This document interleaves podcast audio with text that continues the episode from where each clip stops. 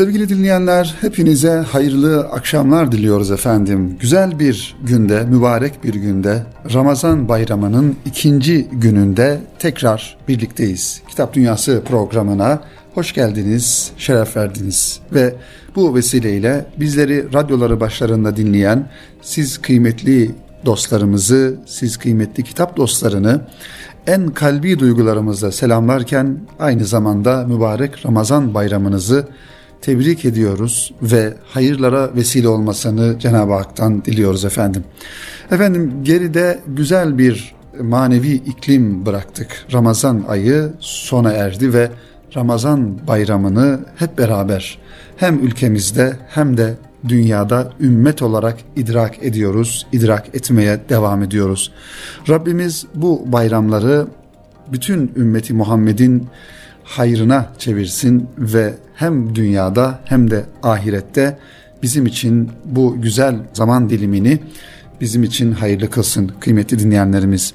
Efendim Ramazan ayında da Kitap Dünyası programına devam ettik ve biraz Ramazan ayının ruhuna uygun bir şekilde sizler için bir takım kitaplar seçmeye çalıştık ve bu programlarımızın bir tanesini de malumunuz İstanbul'da Sultanahmet Meydanı'nda yapılan kitap ve kültür fuarından oradaki yayıncılarımızla, oradaki kitap dostlarıyla söyleşi yaparak icra ettik. Umarız geçtiğimiz hafta yayınlanan bu program sizler için faydalı olmuştur.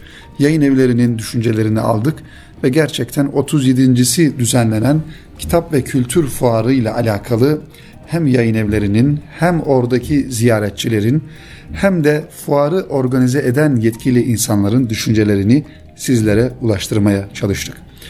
Bendeniz Ramazan bayramı vesilesiyle bu programı acaba Ramazan bayramı ile alakalı ya da bayramlarla alakalı müstakil yazılmış kitaplar söz konusu mu?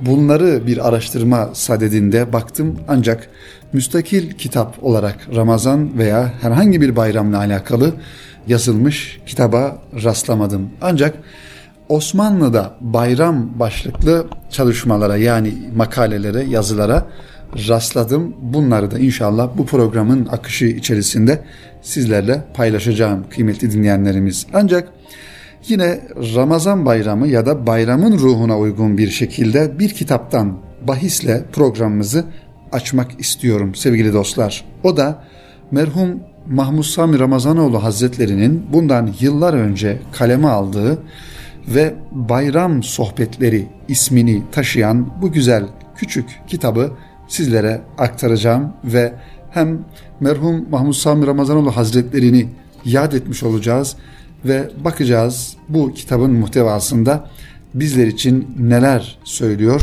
Bayram Sohbetleri ismini vermiş olduğu bu kitapta. Kitabımız hacimli, küçük hacimli bir kitap. Cep kitabı ve 96 sayfadan oluşuyor sevgili dostlar. Bayram Sohbetleri ismini taşıyor ve Erkam yayınlarından neşredilmiş bu güzel kitap. Diyor ki müellif insan ölmez, insan ölmez, ölen hayvandır. Ehli zikir ölmez, kalbini ihya eden ölmez.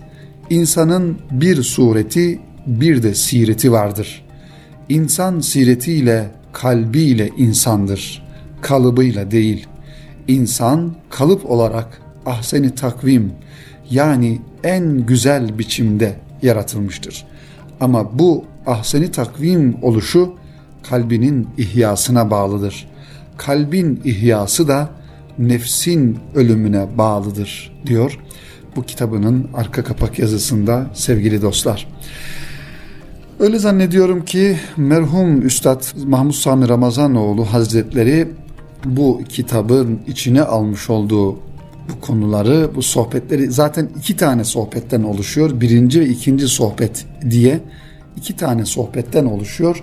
Muhtemelen kendisini sevenlerine bayramda yapmış olduğu sohbetlerden derlenmiş bir kitap olduğunu zannediyorum kıymetli dinleyenlerimiz. Birinci sohbet ve ikinci sohbet dedik kitabın muhtevasını oluşturan ve bakalım burada hakikaten ön sözünde kitabıyla alakalı neler ifade ediyor Erkam yayınları hem bunu da e, kitabı tanıma adına anlamış olacağız. Muhterem Üstaz Mahmud Sami Ramazanoğlu Hazretlerinin sevenlerine irticalen yaptığı iki sohbet bu kitabın muhtevasını oluşturuyor. Az önce ifade ettiğimiz üzere. Muhterem Üstaz kalp konusu üzerinde ısrarla dururlar. Ehemmiyetine binaen sohbetlerinde bu konuları bizzat kendileri irticalen konuşurlardı. Evet kıymetli dinleyenler Mahmud Sami Ramazanoğlu Hazretleri birçok konuda e, sohbet yaparken kitaptan okur veya okuturmuş ancak kalp mevzusu olduğunda o konuyu irticalen yani herhangi bir kitaba, yazıya, metne bağlı olmadan anlatırmış kendileri. Kendileri bir sohbetlerinde kalp diriliği ve nefs eğitiminin gerekliliği hakkında kitabımızın da özeti sayılabilecek ifadelerinde şöyle buyurmuşlardı. İnsan ölmez, ölen hayvandır. Az önce arka kapakta okuduğumuz paragraf. Okuyucularımız kitap olarak ilk defa yayınlanan bu sohbetleri okurken sohbet ortamının feyzini, sıcaklığını ve akıcılığını hissedecekler. Ayrıca muhterem üstazın sevenlerinin terbiyesi için en gerekli gördüğü zikir, nefis terbiyesi, kalp tasfiyesi, salihlerle beraber olmak gibi konuları Kur'an merkezli olarak nasıl hassasiyetle işlediğine muttali olacaklardır. Küçük olduğu kadar önemli bir risalenin manevi yolun temellerini ve ölçülerini vermesi bakımından okuyucularımıza çok faydalı olacağını ümit ediyoruz diyor e, Erkam yayınları ve şöyle bir dua ile bitiriyor. Yüce Rabbimizden gönül sultanlarının gönül dünyasından hisseler alabilmeyi ve bu eserin istifadeye medar olmasını temenni ediyoruz diyor kıymetli dinleyenlerimiz ve bir bayram sohbeti diye başlıyor. Hamd konusunu işliyor muhterem üstaz ve Fatiha suresinden ayeti kelimeler ve diğer surelerden hamdle alakalı ayet-i kerimeleri buraya aldığını ve yine kalp konusuna, zikir konusuna temas ettiğini görüyoruz. Ve bütün kitabın akışı içerisinde ayet-i kerimelerden istifade edildiğini, namaz konusunu, sohbet konusunu, nefisle mücadele konusunu, kalbin çeşitlerini burada e, görüyoruz. Onları anlatıyor e, bu kitabın içerisinde kıymetli dinleyenlerimiz. Tabii ki kalbin çeşitlerini ifade ederken beş türlü kalp olduğunu buyuruyor.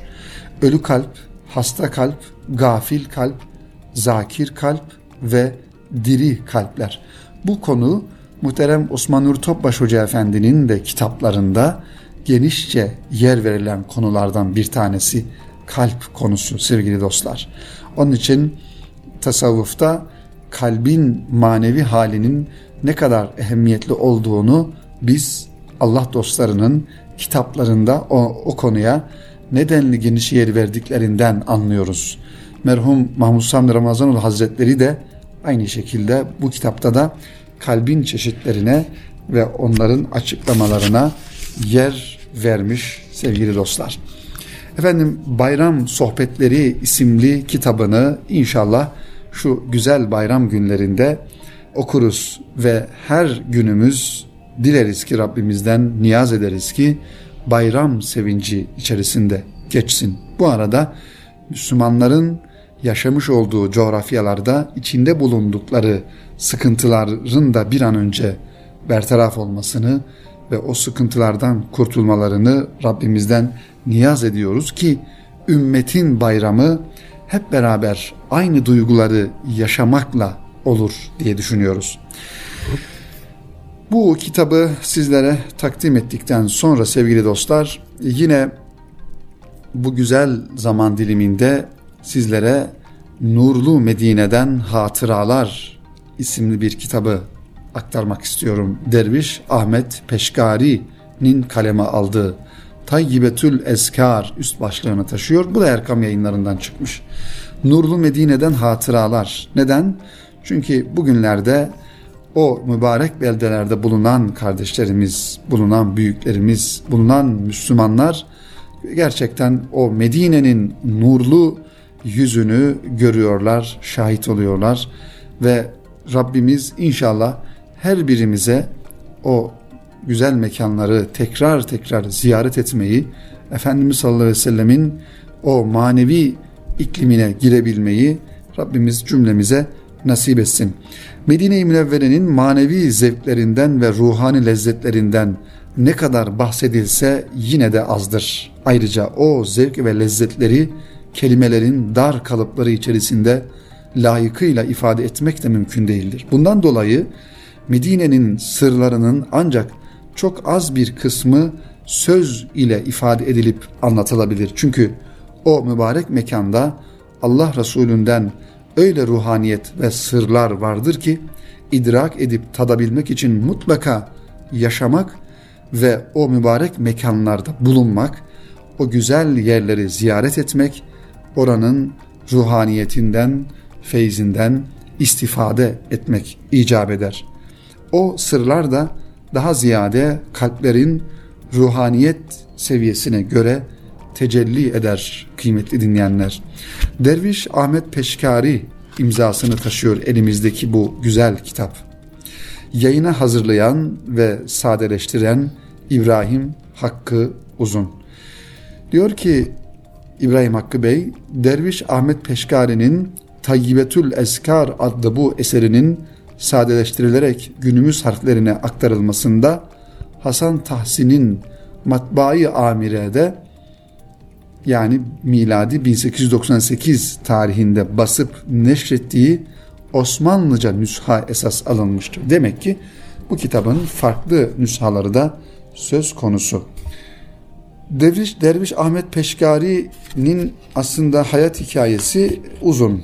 Onu burada ifade etmeye gerek yok. Ancak o bölgede, beldede, güzel yerlerde yaşayıp oradaki hissiyatlarını, oradaki gözlemlerini bir manada yazmış olduğu güzel bir kitapçık.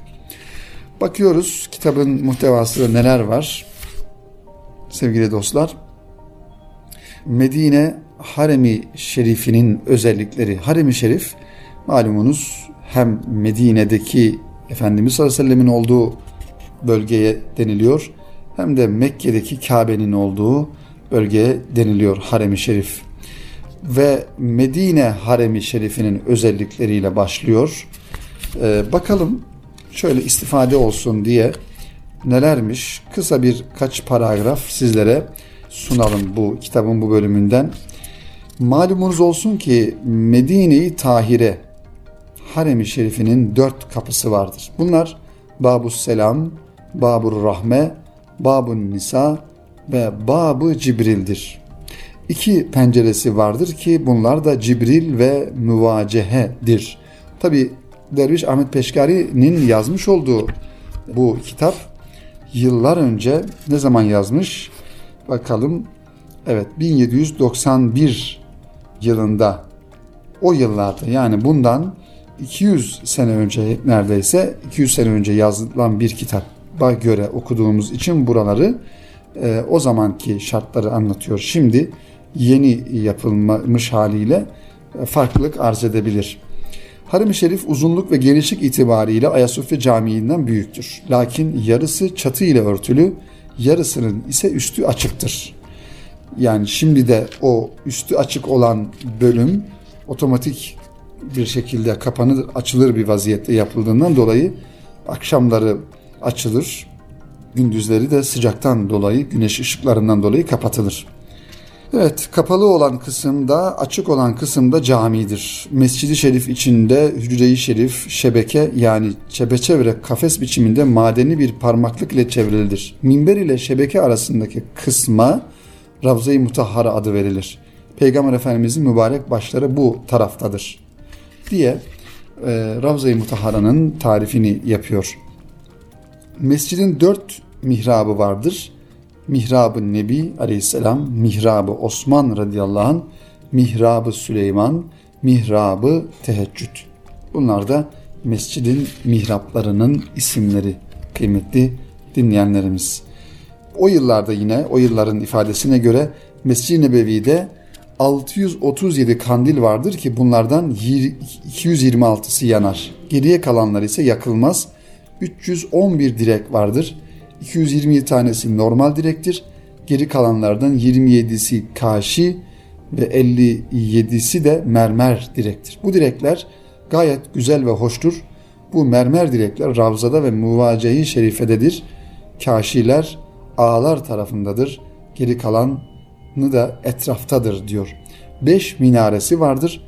Hepsinin en büyüğü reisiyedir. Evet demek ki minarelerin de isimleri var kıymetli dinleyenlerimiz.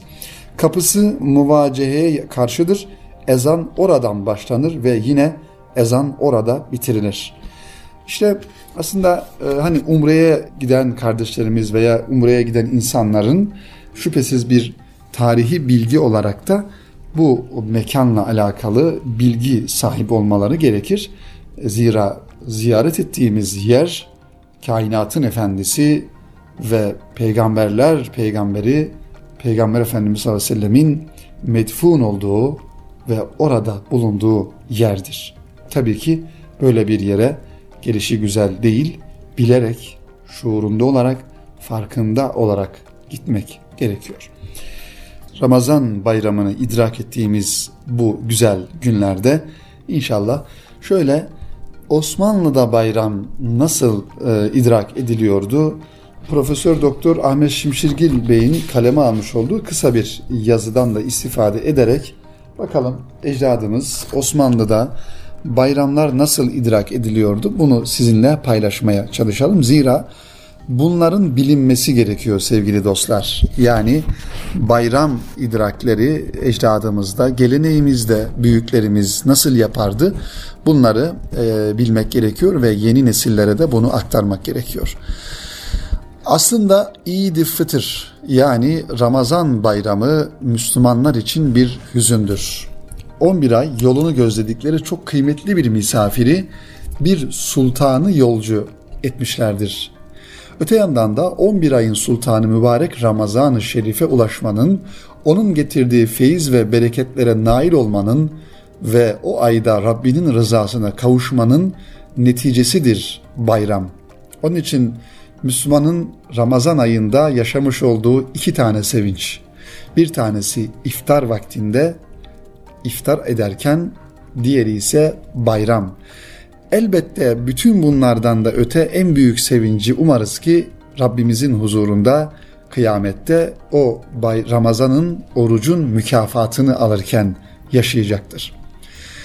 Bir cihan devleti olan Osmanlı İmparatorluğu, İslam medeniyetinin en ihtişamlı temsilcisi olarak yeryüzüne hükmettiği devirlerde her şey gibi bayramlar da tebaya manevi bir haz ve bambaşka bir zevk verirdi. Devletin öngördüğü her işin tertipli ve intizamlı bir şekilde yürümesine önem veren Osmanlı padişahları Topkapı Sarayı'nda yapılacak olan bayram merasiminin de devleti aliyenin şanına yaraşır bir biçimde yürütülmesine büyük ehemmiyet gösteriyordu. Öyle ki bayram töreniyle ilgili düzenlemeler basit bir şekilde hazırlanmasına rağmen Osmanlı Devleti'nin kanunnamesinde dahi yerini almış, törenin ne şekilde yapılacağı ve merasim heyetinin kimlerden oluşacağı titizlikle belirlenip kararlaştırılmıştı. Osmanlı Devleti'nde bayram töreniyle ilgili ilk resmi düzenleme Fatih Sultan Mehmet tarafından yapılmıştır. İstanbul'un fethinden sonra şehrin en güzel yerinde büyük ve muhteşem bir saray inşa ettiren Cihan Padişahı çıkardığı ilk Osmanlı kanunnamesinde burada yapılacak bayram töreninin adab ve erkanını da açıklamıştır. Bayram törenlerinin hazırlıkları tefrişat kaleminin yani protokol müdürlüğünün vazifesiydi. Evet, şimdiki protokol müdürlüğünün Osmanlı'daki karşılığı teşrifat kalemi. Padişah için düzenlenecek tebrik töreninin teferruatı bu daire tarafından hazırlanır ve işlemler buna göre yürürdü.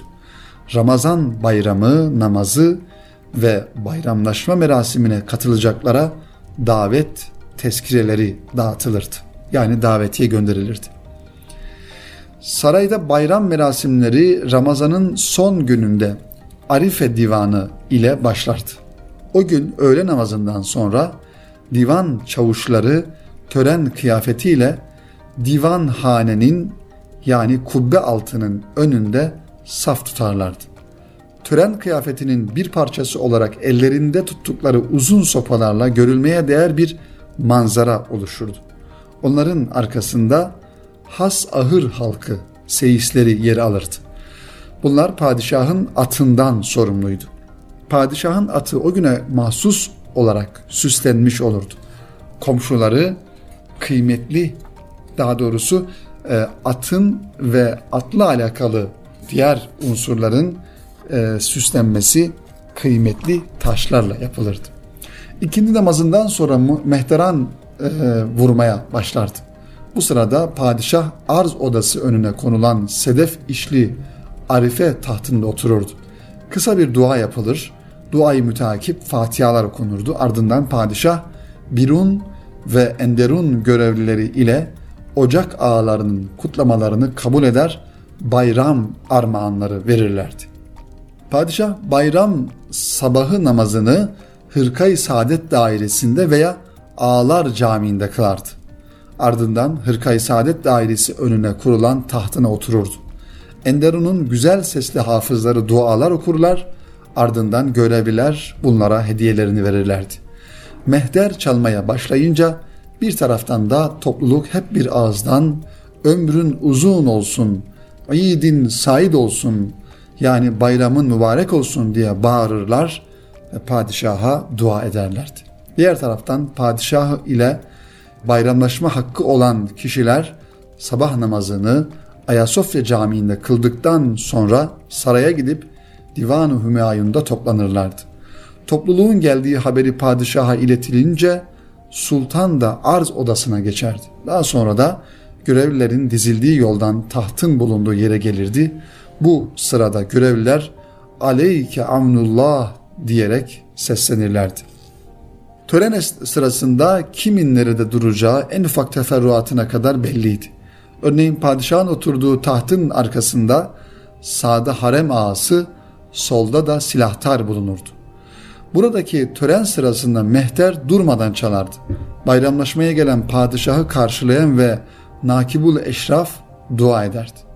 Bu duaya amin diyen padişah tahtına oturur ve devlet adamları rütbelerine göre sağ taraftan gelerek padişahın bayramını tebrik etmeye başlarlardı.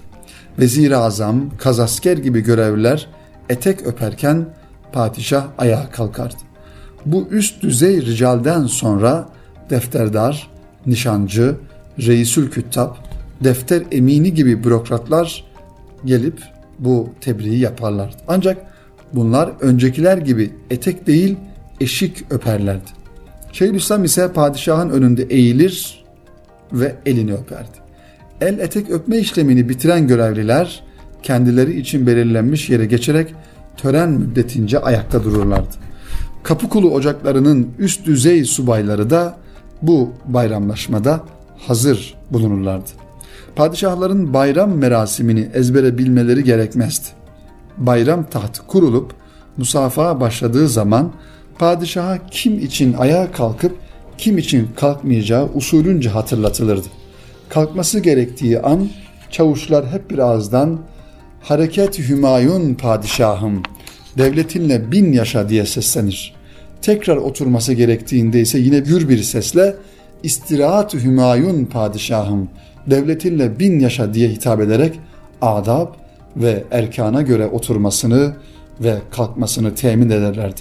Tören boyunca kesintisiz mehter vurulur, saray burnu, burnu önüne getirilen donanma-i Humayun'da ona eşlik ederek mehter sesi kesilinceye kadar art arda top atışında bulunurdu. Evet, devam ediyoruz kıymetli dinleyenlerimiz. Yine sarayda bayramlaşmanın tamamlanmasından sonra padişah has odaya geçerek bayram namazı için üstünü değiştirirdi. Bayram namazı büyük camilerden birisinde genellikle saraya yakın Ayasofya veya Sultanahmet Camii'nde kılınırdı.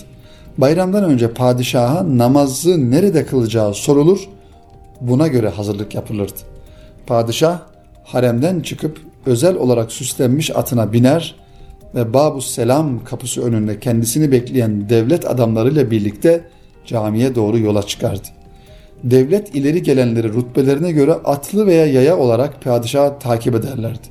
Tören bölüklerini teşkil eden solaklar ve peykler ise kıyafetleri ve hareketleri ile göz dolduran bir görünüm arz ederdi.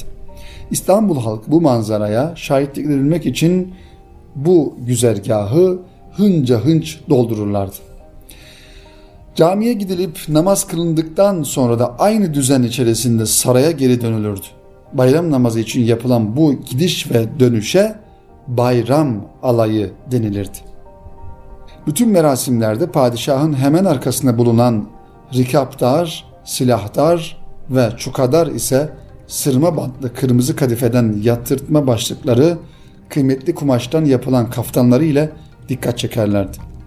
Alayı Humayunlarda asıl tören bölükleri ise sırma bantlı kırmızı kadifeden yatırtma başlıkları kıymetli kumaştan yapılan kaftanları ile dikkat çekerlerdi.